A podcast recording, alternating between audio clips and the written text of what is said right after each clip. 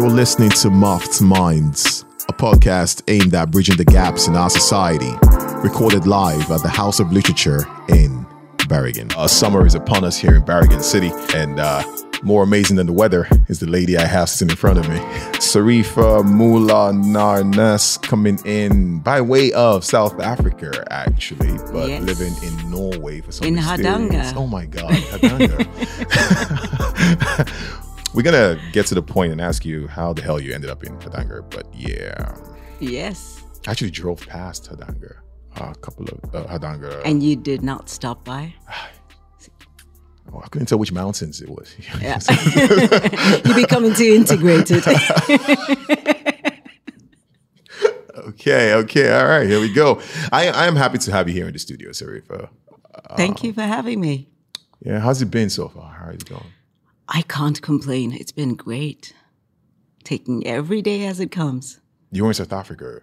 Huh? You were in South Africa. We were in South Africa about three weeks ago. Yes. And so we just, you know, sitting and reflecting and thinking about the people that lost their lives in the flooding. Yeah. And it's been a bit, yeah, harsh, but my family's safe, close friends are safe, but uh, over 400 people lost their lives. A lot of people missing and thousands displaced. So it's a tough time. And it, it's, in, it's interesting because we were planning on going to South Africa now because we got COVID. And so we thought, okay, we'll postpone and postpone. Hmm. And suddenly, because, well, my husband's a farmer and my father in law was like, no, no, that's harvest time. So, so we ended up going in March. And yeah, thank God because we would have been stuck. Well, thank God you're here. Yeah, things happen for a reason. Absolutely, absolutely. And well, speaking of reasons, why Norway? Why not? well, you know, I will say it's for the love of music Okay. and madness, right? Right.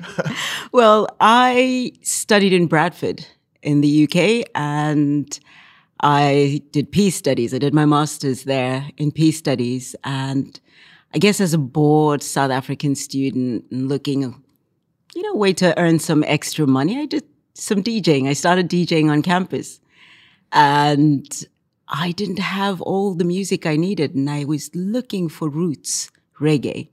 okay. And somebody tipped me off, hey, there's this Norwegian guy. And, you know, my prejudice and my biases, I thought, uh, say what? Well, what does he know Like, about? reggae? yeah, right. Um, but hey, he schooled me. Oh, Oh, yeah. He had. Norwegians are full of surprises. I'll tell you. Right. That's what I've learned. Right. He schooled me. I mean, he had more roots reggae than I could dream of. And not just having the music, but the history behind the music. And I mean, I'm talking from uh, Black Uhuru to, you know, Toots and yeah. That's You know, very, very. I mean, a lot of people associate reggae music with Bob Marley, and that's it. But I mean, yeah, he schooled me. And the rest is history. 20 years later, here I am. but when we go far back into that history, and Yeah. before you started studying in Bradford, you obviously lived in South Africa, Yeah. SA. Born what, and raised. What were the vibes like? Ah you know, I always have mixed feelings because because of apartheid and the segregation act, mm-hmm. we lived in a little enclave in Durban in a place called Chatsworth. So I was born and raised in a Makua slash Zanzibari community in Durban. And our parents were very good at sort of protecting us and camouflaging the realities that existed around us. And the interesting history about my people in Durban is that we are originally from northern Mozambique, southern Tanzania. Mm-hmm. And we were brought in the 1860s as cheap labor, indentured laborers, because at that point, the Indian community in Durban was, you know, boycotting and they didn't want to be, you know, the cheap labor.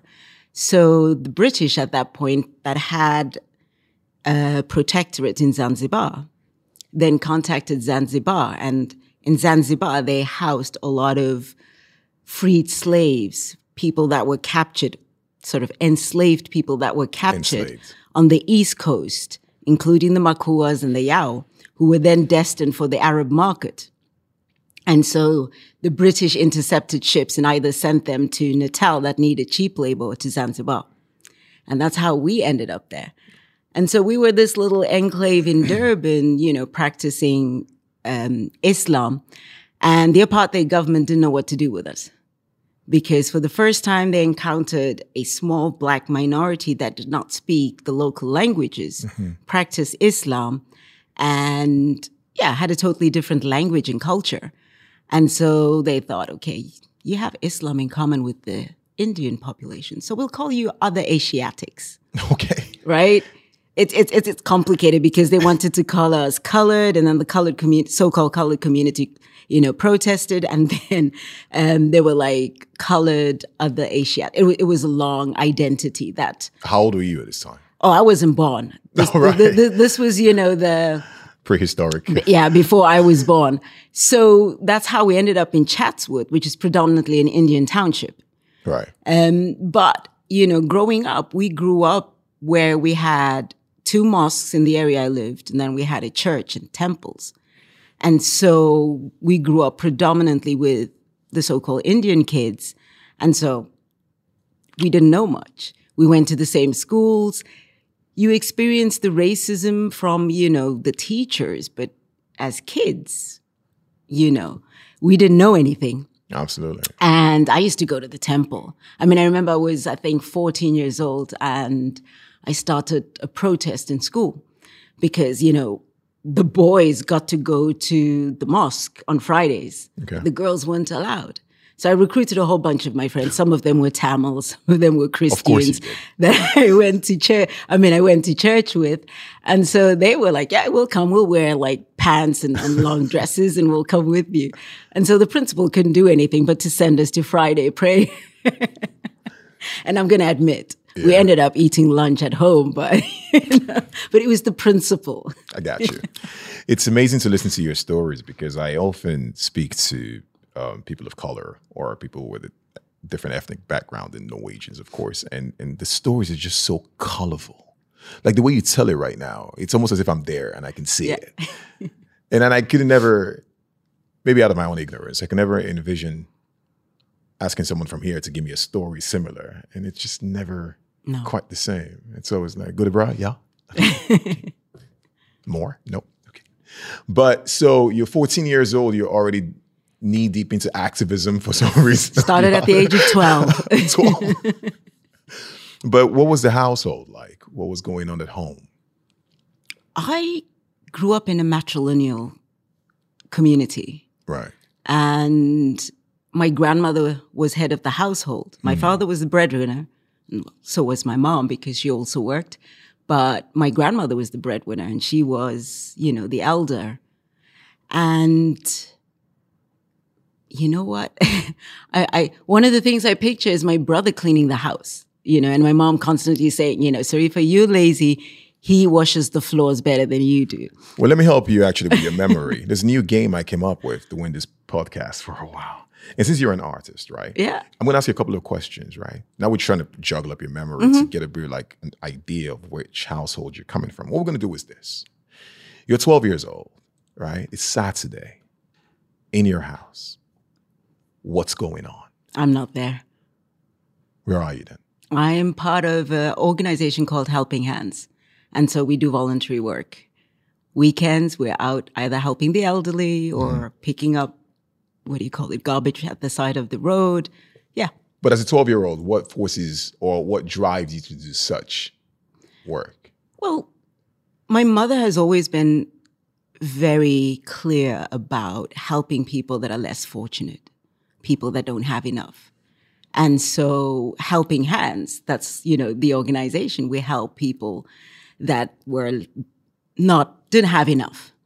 And be it teaching them how to read and write or kids with their schoolwork, mm-hmm. you do it. I mean, my mom did it. She, she used to teach and then she ended up teaching at the mad- madrasa, um, Islamic school after that. But it was that, you know, you'd have kids who were her students or her élèves, learners. Mm. In the house on weekends. And, you know, I mean, it used to annoy me at sometimes, like, come on, you know, don't you get enough of her at school? But it was just the normal. And if, if I wasn't with helping hands, I was probably playing or doing something else. Doing something else. One of the things actually is I was very entrepreneurial, if that's a word. Yeah, entrepreneurial. Yeah. Mm-hmm. I, I would always find ways to make extra money, you know. So you would assume that I would rush into business later on in life, but no. But no, but, but I, I, I was always creative and, you know, trying to make things work. And my, my parents were always like this, you know, here's your stipend for the month. And then if you want to buy something extra, and at that point it was Levi jeans, so they were like, yeah, you go and make the extra money for that. And that's what I did. I think that's the beauty of growing up in Africa. I think that was that was the same when I was coming up. All I had were comic books. That was it. Comic right. books. That's what I got. comic books. And I'm glad I did. I'm glad I did. And even till today, I still collect comic books. So you're young, you're living in this bubble of sorts. Yeah, to an extent. At what time did you get out of that? I think, well, it started, I was 12, and that was in primary school. And I constantly had this clash with this teacher who um, was constantly saying, "You will, you won't amount to anything," or "You yeah. black kids will not amount to anything," and I become, you know, slowly, slowly becoming rebellious. I mean, I remember, I remember saying something like, you know, at that point, saying something like, "I want to be a terrorist." I was like, "Hey, you can't say that," you know, during apartheid, and I was like, "I want to be a terrorist. I want to be like Nelson Mandela and Yasser Arafat," you know, and and I was like all about the PLO and all that and, and Malcolm X at that point. Um, so I think it, it was her just being nasty to kids that pissed me off. And so I felt that, you know, I needed to take it upon myself and champion and, and challenge her. But little did I know, and, you know, we'll probably come to that is those were the roots of my overachievement and imposter syndrome later in life which uh, we can talk about afterwards. But you know, um, she says you won't amount to anything else. Like I will show you. I'm going to be the mm. best thing. You know. So um, yeah. Wow. So now you're 16. Yep. How is the imposter syndrome looking like? It was there, but I didn't recognize it because I always wanted to be the best at everything. I mean, I was the first per- person my age in my community to get a car.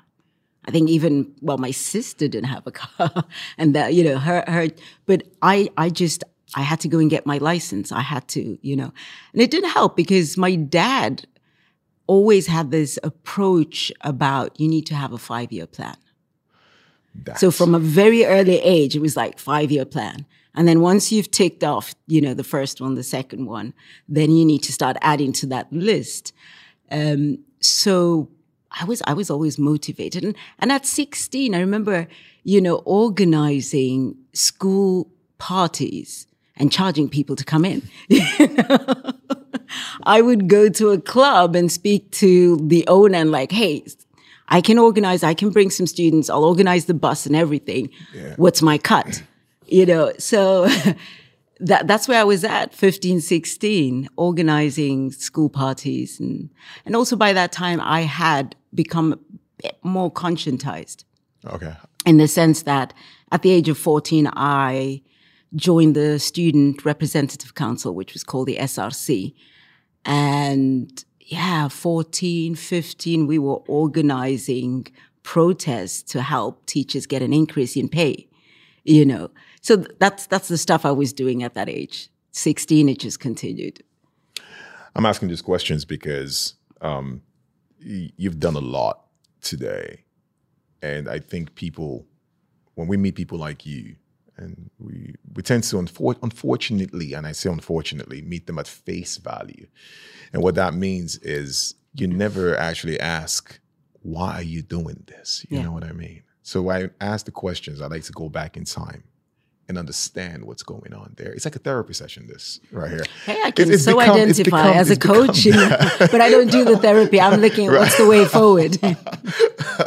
and and it's it's it's. I bring this up because when you talk about organizing all these things, and it, it's almost as if these things happen like, in which they actually do, especially when you're in that climate in South mm. Africa. You know, mobilizing people. Hey, you want to do this? Let's go. Done. Let's yeah. go. And now let's fast forward. You're in Norway. At what age? I don't know, but it's irrelevant. Did you feel like you were out of your elements, or was this the constant struggle, especially someone like you who is an artist, a creative, someone who's always on the go? Were you happy to be here in terms of what people tell you of how the grass is always greener on the other side?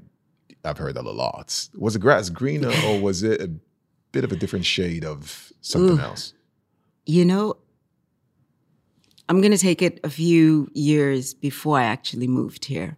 Thank you. Um, just to con- for me, it was moving to Norway was going to be my therapy, my you know, just to find myself again. Mm. Um, I, I, was a youth activist and involved in, in politics. And around 2004, 2006, a lot of comrades that I knew were passing away. Um, and at the same time, things were not unfolding as planned because in my head, I remember before 1994, where we were going, organizing, mobilizing, and telling people that, you know, you vote for the ANC, this is what we're going to do. And we had all these ideas like Cuba, you know, to have this education brigade to eradicate illiteracy and a whole bunch of things. But that didn't happen. And around 96, 97, I started having issues. It wasn't sitting well because, you know, you've, you've invaded people's homes. You were there talking to them, drinking coffee, and we didn't go back. We didn't go back to engage and to speak about, listen, it's going to take longer than we expected. And this is how the process is going to unfold. So that didn't sit well. And then I moved from party politics to more developmental work and, and, and joined the Black consciousness movement. Um, but by the time like 2000 and yeah, four upwards came, we then got Jacob Zuma. Mm. And, and that was just difficult for me, mm-hmm. uh, you know, and, and you begin to question, is this what you gave up your youth for? Is this what we struggled for? And so I thought, okay, I'll come to Norway to get a break and to just recuperate, find myself. It's going to be temporary and I'm going to head back. Uh, but unfortunately, he stayed longer than you know was expected, so I stayed here. um, so initially, yeah, it was to recuperate, and but then I, I immediately, you know, met with the Norwegian system and IMDi and UDI. And I remember one of the challenges, actually, before I even arrived in Norway, was getting a engagement visa. Oh, okay. And so I went to the interview in Durban.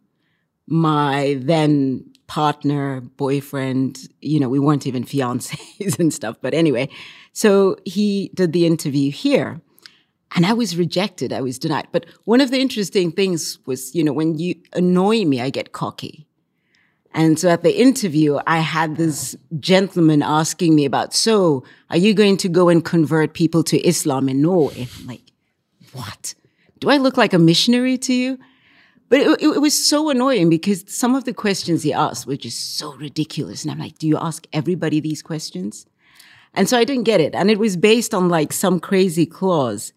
And I don't think they realized who they were dealing with. So I went into research mode and academic modus and then I wrote to them, I was like, I can't find that in your constitution or any of your documents. And then I asked my, my partner, listen, you speak Norwegian, find it, see if it exists in Norwegian.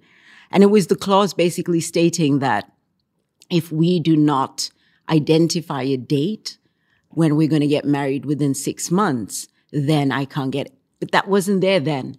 I see it's changed since, but it wasn't there when we first um, went for the interview. And typical Norwegian style, I get a phone call saying, "Oh, come and fetch your visa." No, sorry, no, nothing. Just come and fetch your visa. Like, oh, because I challenged them, you know, I got it. And I ended up here. We ended up getting married. And I think three days later, I pissed off. I was gone to South Africa. Well, Okay. I, I guess that's why UDI doesn't want to give up. no, I'm just, you know, it was just. uh, No, I, I actually, you know, thank God I got in because of my activism and the work I was doing in Northern Ireland and other stuff. I was called to, oh, what is it called?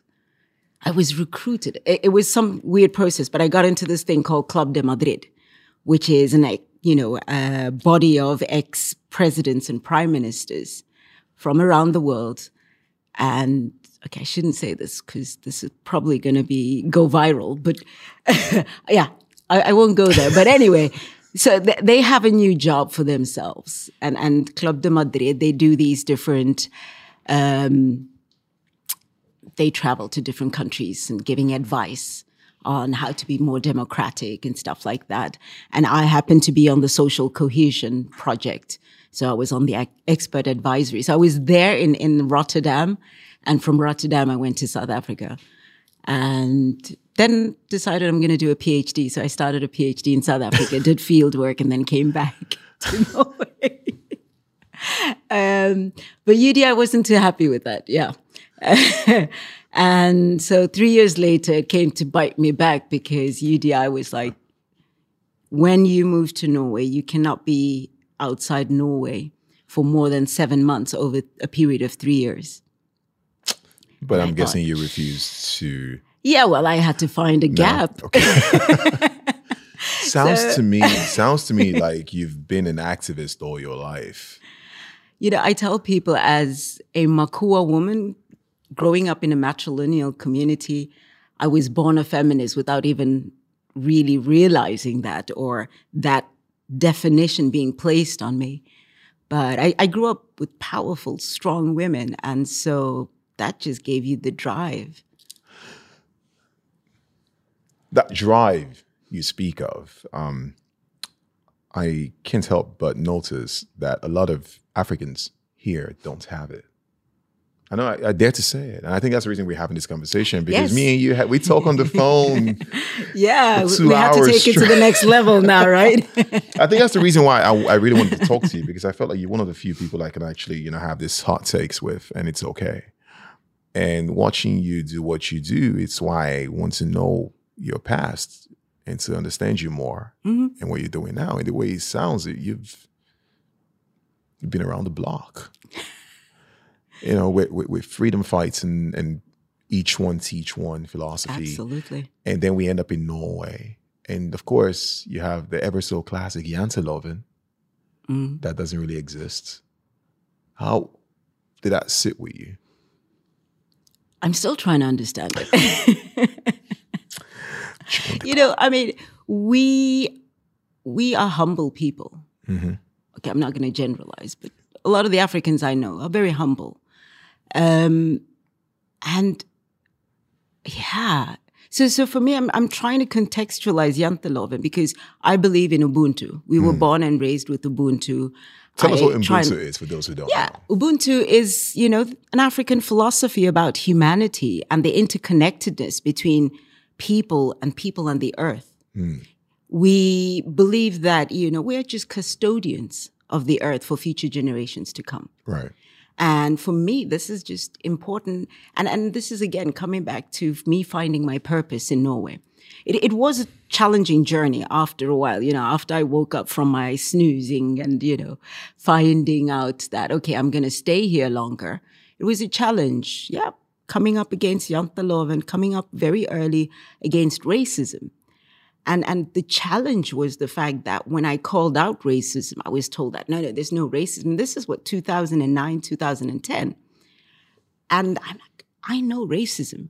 I've lived in South Africa, but I also worked with peace, human rights, and anti-racism education through the Umtapo Center in Durban. Who said it wasn't racism? Well, people that I met. Who are these Um, people? Norwegians, Norwegians, right? And even even foreigners. Um, but again, it you know you need to be conscientized and you need to have experienced it because not all African countries have experienced racism, I right? never or, or had it. racism as a systematic uh, oppression of of pe- other people. So for them, it was like you know, you don't know what you're talking about. And and when you negate my experience, that in itself is racist. That is problematic. You you cannot say that what I'm experiencing, what I'm feeling, gaslighting. right? And you know, there's there's my favorite African proverb that says that the eyes will never forget what the heart has seen. Hmm. You know? So for me, when when you feel it in, in your essence that this is not right, this doesn't work, and you know what it is. But I guess also there's this thing of, you know, we'd rather put the label than you. It's what Mara Makeba, Mara Makeba, who's Yeah. I mean legendary Mara Makeba. She she said something I'm never going to forget, and she said, um, "It is not until the white man says that something exists that it exists." Assata Shakur. right? And then you have um, someone wrote something and said, "Oh no, uh, Christopher Columbus did not dis- discover the Yeah. West Indies. he just got lost, and the West Indies discovered him."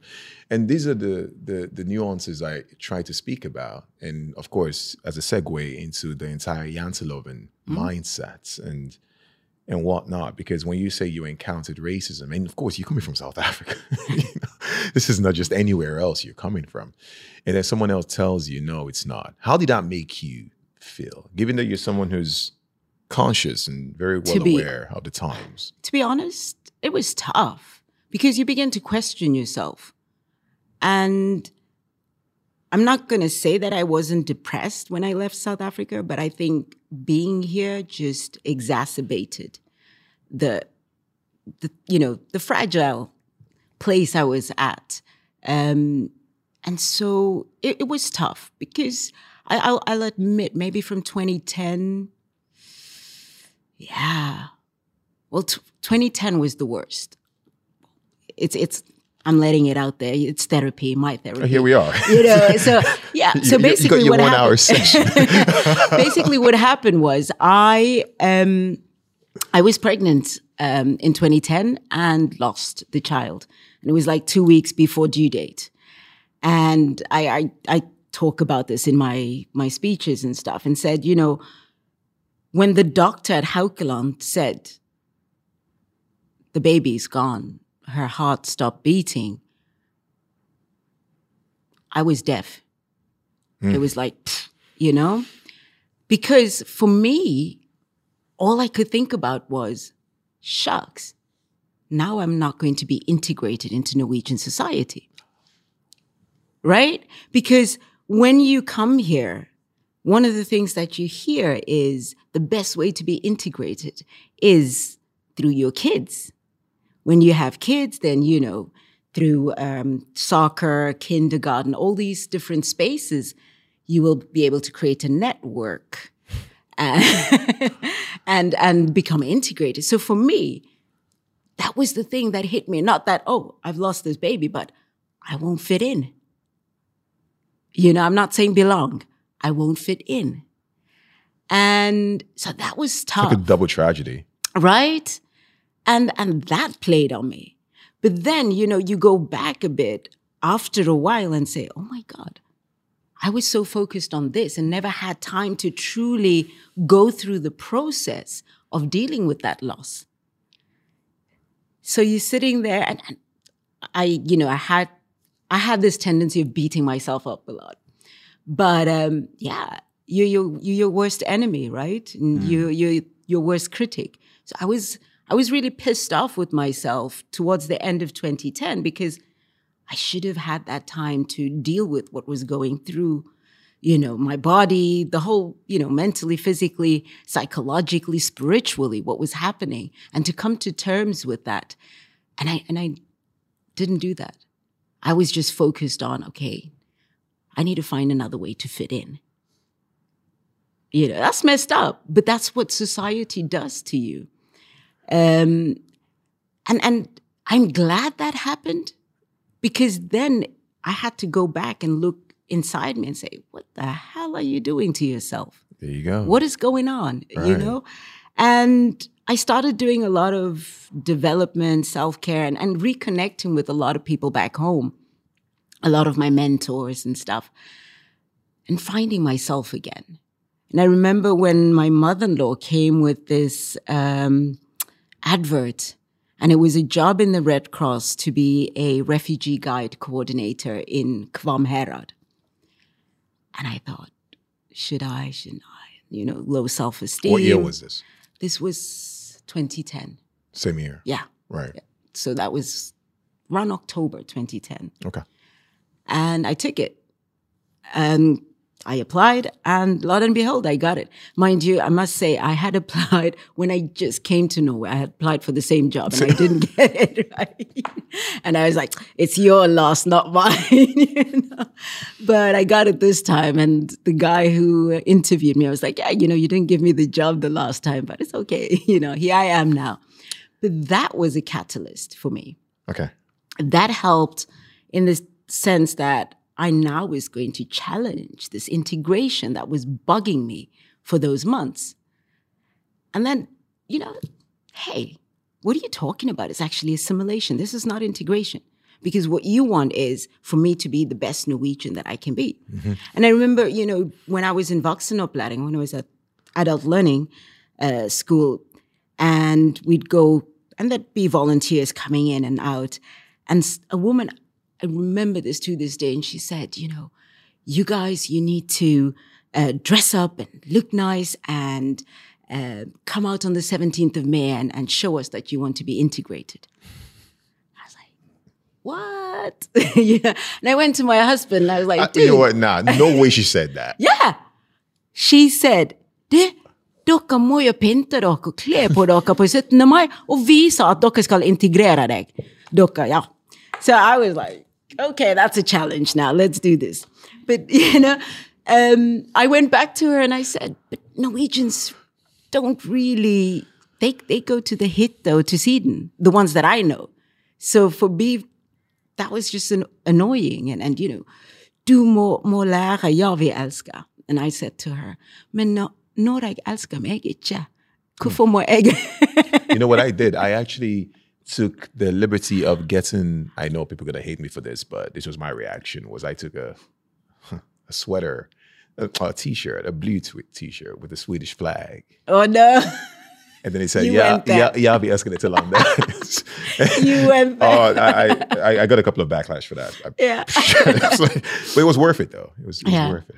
So, so that was my platform. Now, as the refugee guide coordinator, I decided I'm going to shift the narrative, change the way people look at integration, and say, you know, call it call a spade a spade. And so that's what we did. And there was this amazing guy in uh, Kvam at the local newspaper, uh, Lars Arvid Uma.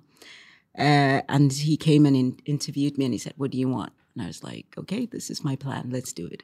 And we were in the paper like every single week doing a story about different people, challenging politicians, asking them, So, what is your party's stance on integration? You know, and you know, it was funny because there were um, elections the one year. And so I recruited a bunch of women and I said, come, we're going to go to each stand and ask them if I'm going to vote for you in a few years, why should I vote for you? What are you going to do when it comes to helping me settle and feel a sense of belonging in this municipality? Uh, interesting reactions. Um, I think there was one party that I was quite happy with that I now have signed up and a member. Uh, but there's another question mark there because suddenly I was there and it's like, oh yeah, you know, det vill du vara på lista. And I said, uh. Yeah, why? But then, you know, I joined and then they were asking me to write like the integration policies and stuff. And I was like, okay, I'm in South Park, token black. All right. Token black, welcome. So I had to challenge that too. But um, that that gave me an amazing opportunity. And then thank God, like in 2014, a position came up in one of the municipalities, and I thought, you know what, I'm going to go for that because I need to be within the system to change it. With Red Cross, whilst we were doing amazing work in Kvam, and one of the things I always say and admire about Norway is, is the dugnad culture.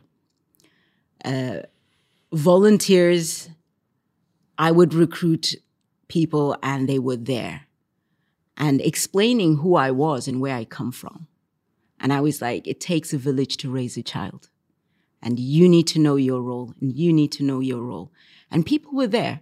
And, and I think it's about communication. When you speak to people to explain what this is about, because a lot of people did not, un- I mean, they thought integration is integration, but they didn't understand. People don't know what integration right? is. So through through the, the you know with the journalist, we started unpacking and we started redefining and mm. explaining, and people were interested. And now they were meeting these people from you know the stories in the paper and seeing them physically. Like you are, and we also had we created a international cafe and uh, Språk cafe, speaking Yeah. cafe Language cafe. language cafe. And that's where people started to meet. But also, one of the things that I liked whilst working with the Red Cross was we had theme nights. And Oh. one of the nice things also with the Red Cross, I was given free will, and that, that's a bad thing. so Lady of the I just ran with it, and I would say, listen, it is in line with our principles and the ethics of the organization. Don't worry about the rest. I'll sort that out. and I would run. And that that was, you know, v- the key. People started coming, people volunteered, people engaged. And we've we've just had a we spoke recently at a church and it was packed. It was packed. And again, predominantly the volunteers in the municipality. And I have a challenge to the administration and the politicians because they need to also come out. They need to meet us at the table. And this is one of the biggest challenges. Can I ask you a question? Yeah. There's another challenge. Do you do you feel like you're fighting this battle alone? Honestly. now, no. Before, Be, when you say before, now when you say before, Yeah. how far back is this? this would be maybe 2010 again. And then again, maybe 2014, 2015, because then I started working in the municipality, right? And they had no idea. So I established uh, Flyktningtjeneste, refugee services uh, and inclusion program in the municipality. But what I did was I called a municipal meeting or a what do you call it? Public meeting, Folkemøte, and I said, listen, again, it, this is a new, you know, department I'm establishing or avdeling section. And one, I'm not from this municipality, so I'm There helping you guys. So you, you need go. to help me help you. And that's right? my point exactly. Right. Because what I'm trying to say is I look at all these organizations and all these institutions and whatnot. And, and actually, quite frankly, I look at all of them with a pinch of salt, a massive pinch Yeah. of salt, a gigantic pinch of salt. People talk about integration all the time, and and I'm, and I'm not I'm not afraid to say this, but I don't vote. And people say, "Oh, that's ignorance." Oh no, you should do this. Your vote counts. I'm like, really? But here's the thing about this, because you are coming from South Africa and you've done all this mobilization and and and pretty much championing uh, for integration, as far as I can tell, anyways. And to me, it it, it takes almost a miracle. You know what I mean? You, you need this. You almost need the stars to align you with someone who's probably lived and experienced some of the things that you have. Because in this society, I see, I say, growing up in a place like this is very dangerous, Hmm. extremely dangerous. Why? Because not a lot of people get to to struggle for things. You know what I mm-hmm. mean? Mm-hmm. When things are given to you all the time, and your parents are usually scared to scold you, right? And then people say, "Here you go, here you go, here you go," and then then the same people grow up, and then pretty much becomes the one who deciding what laws will be regulated or what will be going to when it comes to integration. I find the irony extremely funny. You know what I mean? So that's what I'm asking you. When you came in, was this battle you're going for? As in, did you feel like you were alone? And by alone, I mean, did you have other foreigners backing you the same way you were doing it? Hmm. Because I can feel, I feel very, I feel very alone sometimes, and I gotta be honest. No, not other foreigners. That's what I mean. I, I, yeah, it was Norwegians, and and again, like I said, through engaging them, using the mm-hmm. local paper, mm-hmm.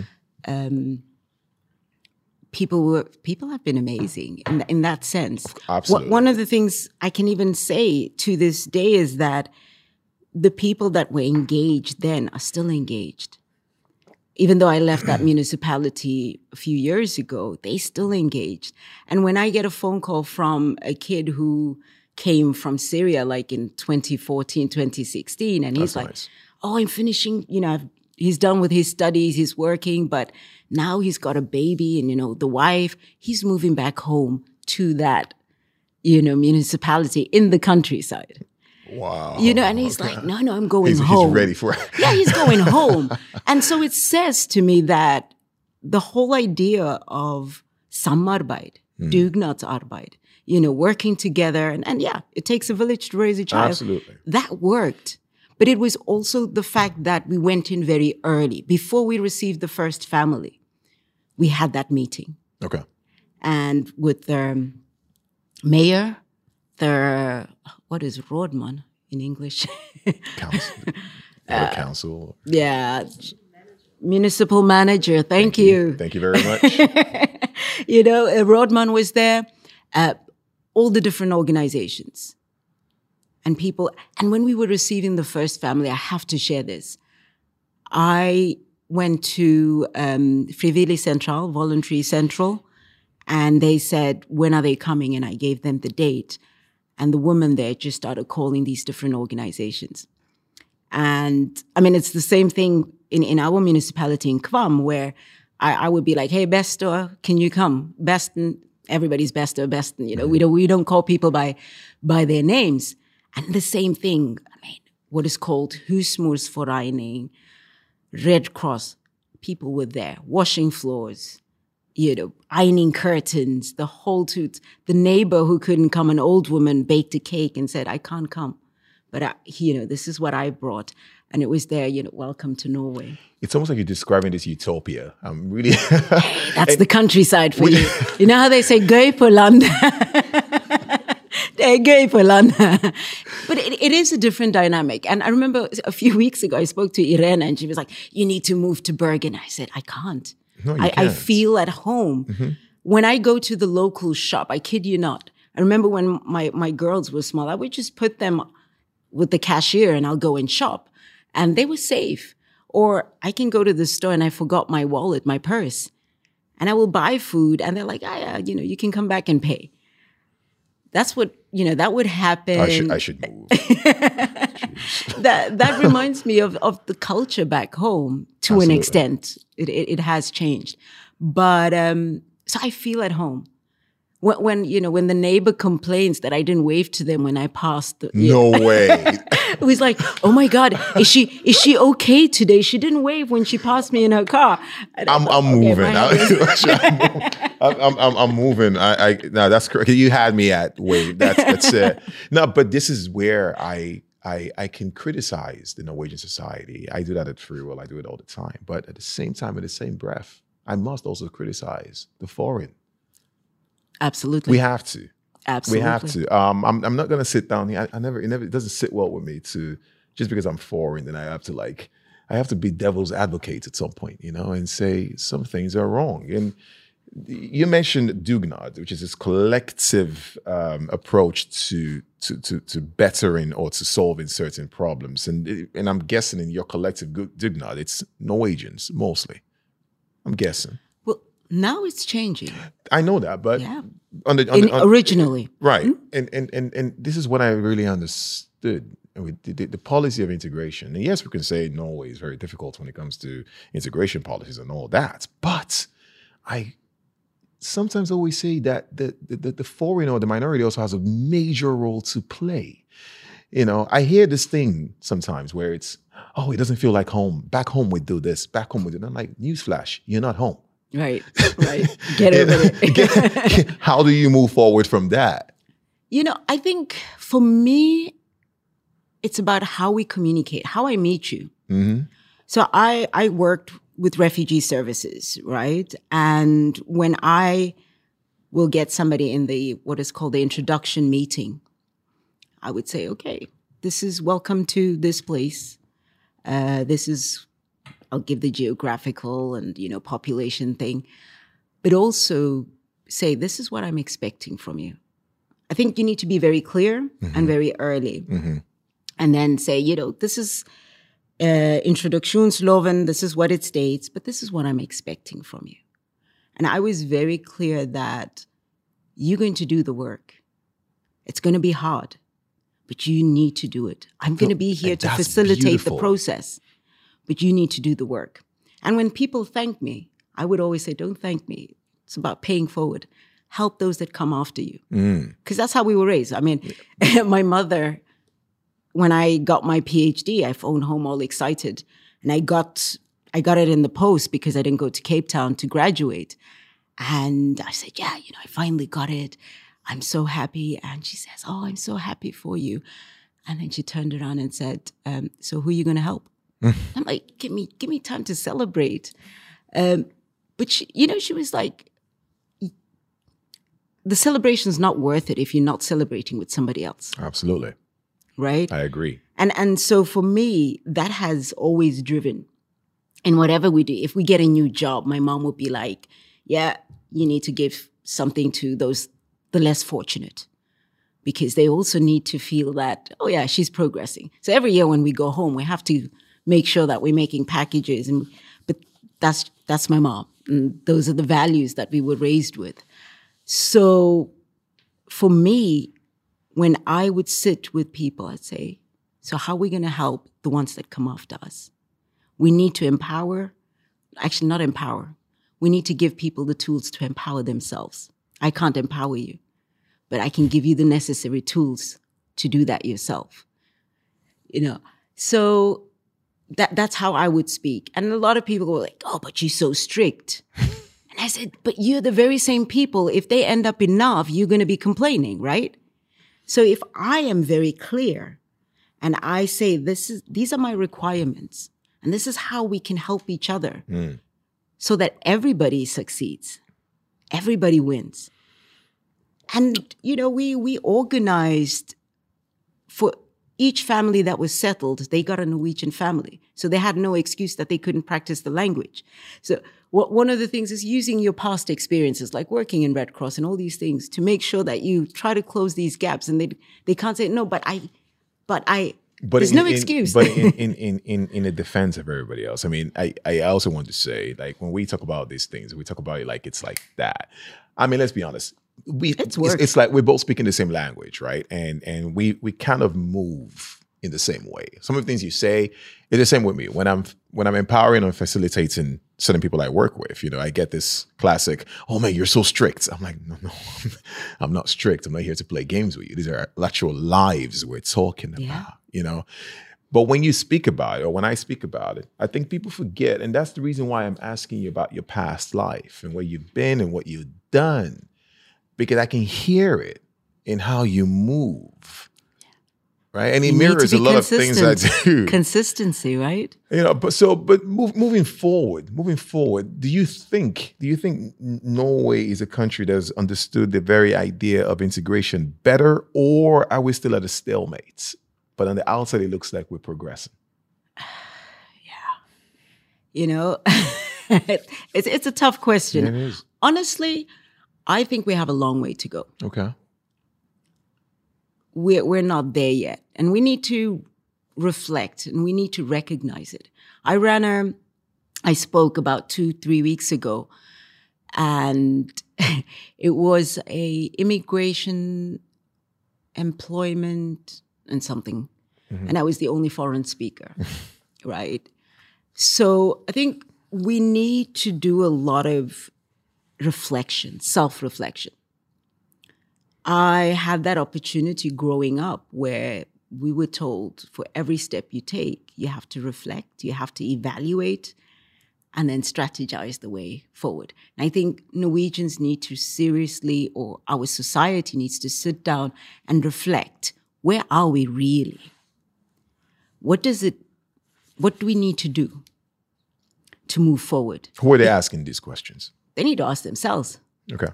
You know, I mean, we were talking about, I, I remember I reacted to some people were saying, oh, you know, we're anti racist and da da da. Like, do you know what it means? What does that entail? and also, when you're anti racist, you're not going to, you know, push this movement upon me. I need to come to that point where I'm understanding my racial identity and I'm understanding what I need to do to be able to create a better society. But if you're coming with this hero syndrome and wanting to impose this, that is not anti racism. Therefore, it takes me to the whole Stakkars deg phenomenon. oh, yeah. it's that white savior syndrome. Yeah. It, it, it kind of pisses me off. I'm not going to lie. I, I did a, a, yeah, the very talk I did, I put a label on my forehead. I put Stakkars, um, Fattig Afrikaner, a whole bunch of labels. And I stood in front of the crowd and I said, uh, Yes, you can see the labels. Who here is willing to remove them with me? You've put Deep, them on me. Deep. Who's, who's willing to remove them? Because this is what we need to do. Mm. When I walk into your office, don't look at me, stakkars afrikaner, or the goldie. I mean, I, I remember a few, several years ago, this woman came to me and we were having this conversation. And somehow it came out that, oh, I was Muslim. And she was like, oh, stakkars deg. I thought, seriously? Like, what is stakkars about me? And then I had to explain to her, I was like, do you know who I am? I come from a matrilineal society, one of the very few societies. So we've been raised, we've been empowered from a very young age. I have this education. You know, I didn't have my PhD then, I had my master's, but I was like, this is me. So I don't think there's anything stuck us there. And, and she was quite shocked. Uh, but but yeah, I, I, find that problematic. And and at this talk, it was for actually Bergen Kommune. And I don't know if they're going to get me in to do any other work for them. That's a good but, but I, I challenged and I said, you know, one of the things that we need to be very mindful of is when you do meet somebody, is placing that label or judging them before they walk into your office. You're There you meeting a human being, somebody who's resourceful. One of the things with Ubuntu that I love is that you need to look at people as part of a puzzle. And in order to create this beautiful picture, you need every single brick to create the whole picture. So everybody has a role to play. Even that person that walks into your office has an important role to play. Yes, yes, absolutely. But I've been digging into Western philosophy uh, lately, and I, and I think a lot of Africans probably should too, because when you read about, uh, I think I think I hope I pronounce this correctly, uh, Friedrich Nietzsche, or Nietzsche, yeah. right? And you hold the whole entire concept of nihilism, Yes. right? Which is something we as we as Africans are not familiar with, because with us there's a sense of meaning in everything. There's hope, there's salvation, there's something coming up, mm-hmm, there's mm-hmm. God, there's spirituality, right? But over here, it's almost absent. It is a Christian state, absolutely, but the truth is nobody really goes to church. Let's be honest, right? And of course, those who go to church just I don't know, maybe drink free coffee, eat some cakes. That's it. No offense, obviously that was a joke, but I feel like we as foreigners need to understand the philosophies of the Western world to really understand that. When I got introduced to nihilism, and which I actually did get introduced to one of my favorite movies of all time called Fight Club. Yeah. Oh wow. Yeah, that's where it started. You know, where where Tyler Durden said we are we are the middle we're the middle children of history. We don't have a great war or great depression. Our great war is spiritual war. Our great depression is our lives. Mhm. Right. Therefore, we need something to fight for. So when you see an anti-racist, right, he's not necessarily like you said. Do you know what that really means? No. But then again, that's what the congregation is doing, and it looks cool. That's So. I'm going to hop on that That's it. wave, but not really understanding what it is. Mm-hmm. And this is where I actually take it easy on Norwegians and Caucasians as a whole when I start to understand their philosophy and how they're thinking. And you said they need to come to terms with admitting that they don't know sometimes. It's okay. I don't know. But living here for a while, I have noticed that to have a Norwegian understands, really understands something, uh, it's a war. It's a war, and especially if you're African, because sometimes I say that when they see an African, I don't think they're looking at a human being. I think they're looking at an apparition of sorts, just like James Baldwin said it. And that by the apparition, and this apparition is actually consisted of the entire history of you where you're from, the war, the mm-hmm. starving kids I have seen on television a million times, you know, the unwarranted movements, the bombings and everything. This is the apparition of you that has been decided even before you walked in. Of course, they call it prejudice, but it's so easy to just call it that. Yeah, right? absolutely. So that's what I'm asking you. Like, how do we go in and really punch the holes? I'm ready. Let me know. I'll you know, one of the things I've been sitting back and, and trying myself to understand and, and to follow is the whole issue of, yeah, the anti racism movement. A lot of people are talking about diversity and inclusion, yada, yada, yada. And yes, it's great to do all these workshops and to be these officers and diversity officer, but what does it mean practically? When I meet you in the street, how do we engage? Um, for me, it's it's about the practical aspect. Practical aspect, exactly. It's about you know we, we we always say that you know practice what you preach. right. Um, so it's it's that. There's a whole lot of preaching going on, but not a lot of practice. No, unfortunately not. And I think that's where it is, where that's what I do with, with what I'm doing now. Because I struggled where I was working, especially towards the latter bit, in terms of getting people to understand that whatever we do as people working within the municipality, we're working with refugees, right? How we approach them, how we meet them, our judging, our preconceived notions of mm. who they are will affect the way we work with them. Absolutely.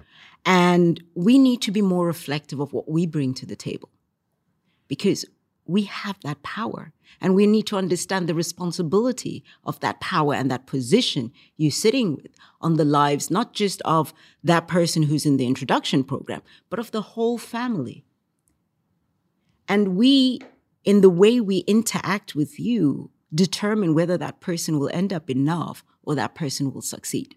Hmm. And if you're not reflective, if you judge me, and if you're doing all these things without consciously understanding the implications, then I think you need to get another job. You know, I, I didn't quite say it the same way, but I, I, You I, can say it um, here. It's okay. I spoke to somebody who I then found out was like a big shot, and I was like, "Oops, mind your mouth," you know. No, but I don't mind my mouth though. But we, we need to speak our truth. You have to, And this is the reality that we need to begin to take conscious steps towards creating a difference. And it starts with you as an individual. Hmm. It's one thing to say, hey, I'm working for integration. But then how integrated are you on a personal level? I I I work I work I work I was in a I was a company. This really I'm not going to say the name of the company. Actually, this is the one time I'm going to hold back and not say it, even though I really want to. And I walk into this company, and it's they they, they all talk about, or not more of an organization. It was my integration this, integration that. And then one day I decided to come to the company pretty early. And by early I mean six thirty. I go for morning runs, mm-hmm. right? And I'm like, oh, I'm just gonna see what's going on here. Integration this, integration that. And I stood there and I watched it and I looked inside and I saw a guy. I think he was from, he was dark skinned and he was washing the floor. There's nothing wrong with that. It's a great job. But what I'm just wondering sometimes is this guy probably does more than that. Mm-hmm. You know what I mean? He's way more than that. This is where the know your worth thing comes in, right? He's more than that. And then I waited there. So I waited for a bit, kept jogging, came back when office hours, mm-hmm. obviously. And I looked in, it was just a bunch of Norwegians working on the desk, doing all the, the work. Mm-hmm. I just can't help but understand how the hell that even works. You know what I mean? This is what breaks my heart with Norway. It's all talk about this and this and this and this and this. And then you go in and then I'm not saying Norwegian cleaning the floor. Of course, there are Norwegians who do it, but let's be honest, by and large, Yeah. it's more foreigners foreign doing that job. And is it because they can do a better job or whatever? I mean, I'm lucky I have a great job. I'm not gonna lie. Well, not lucky, we worked for it. And and, and these are the things I, I I don't I'm trying to understand that the hypocrisy hmm it's what gets me, you know. And my question is, how long are we gonna? How much time do we need? Well, the time is now. Time is always now. You know, we always say that uh, we need time. Time is now. And it just starts with the individual. When individuals realize that they are the agents of change, okay. each and every one of us is so important. Again, back to these, you know, the bricks in the puzzle. We're so important and we all need to do our bit. Fact. But if you speak about anti racism and then at home, at the dinner table, you're having a different conversation. And it doesn't necessarily have to be about race, but it's about, oh, yeah, the fat kid in the class. Mm. That in itself is problematic. Or the, the kid with the ginger hair.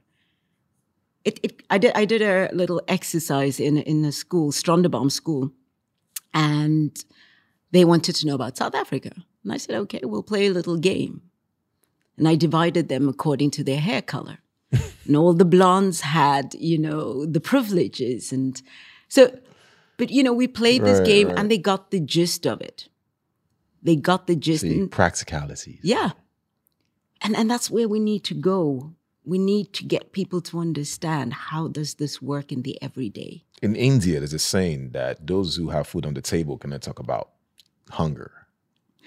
Uh, you're reminding me. I my, my my little one, she's six years old, and we got into this conversation when she was like, "Mommy, I don't really care about myself, but I I am I care about everybody else being happy and having."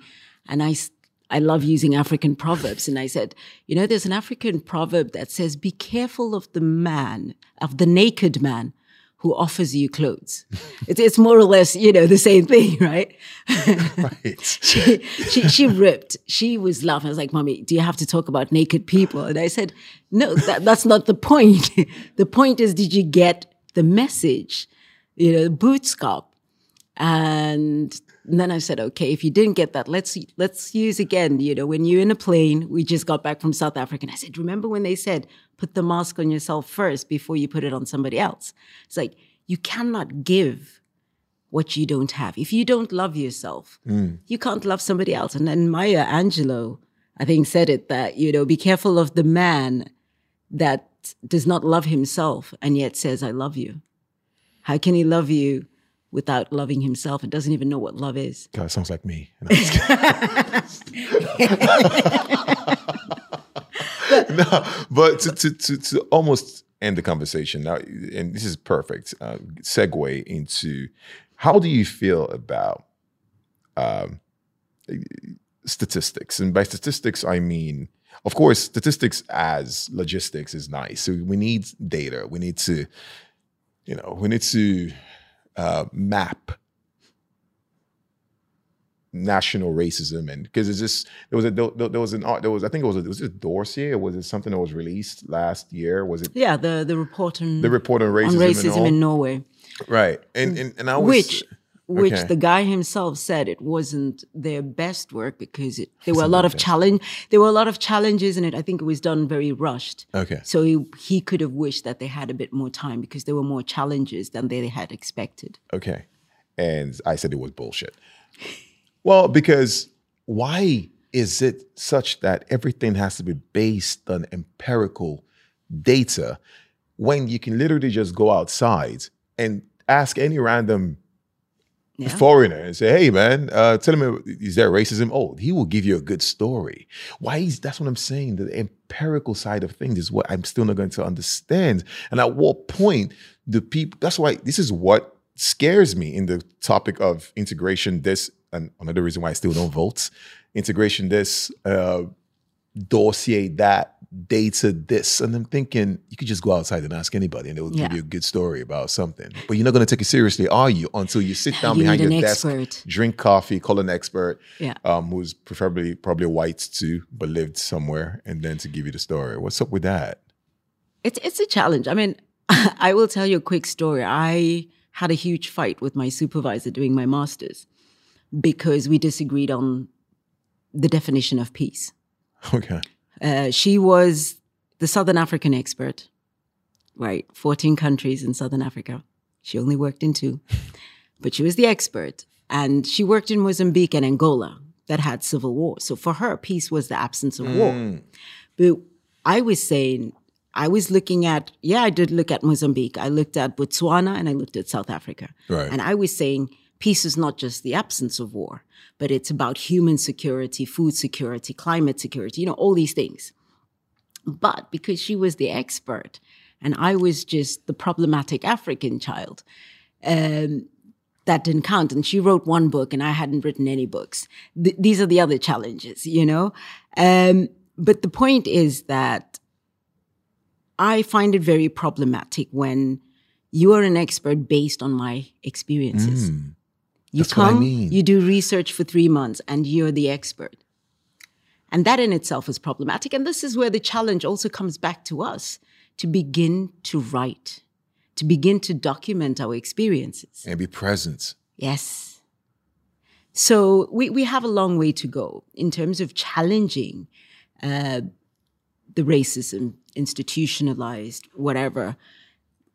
But we also need to remember that we need to start with ourselves. We need to reflect. When I engage with Sarifa, how do I engage her? How mm. do I meet her? How do I talk to her? What sort of mm. language? Am I using derogatory language? I, I had an experience with a woman recently who kept writing my name, but did not use a capital S. But everybody in the chat had a capital S. Oh, microaggression at its finest. and I just smiled and I was like, seriously, you're going there? You know? petty.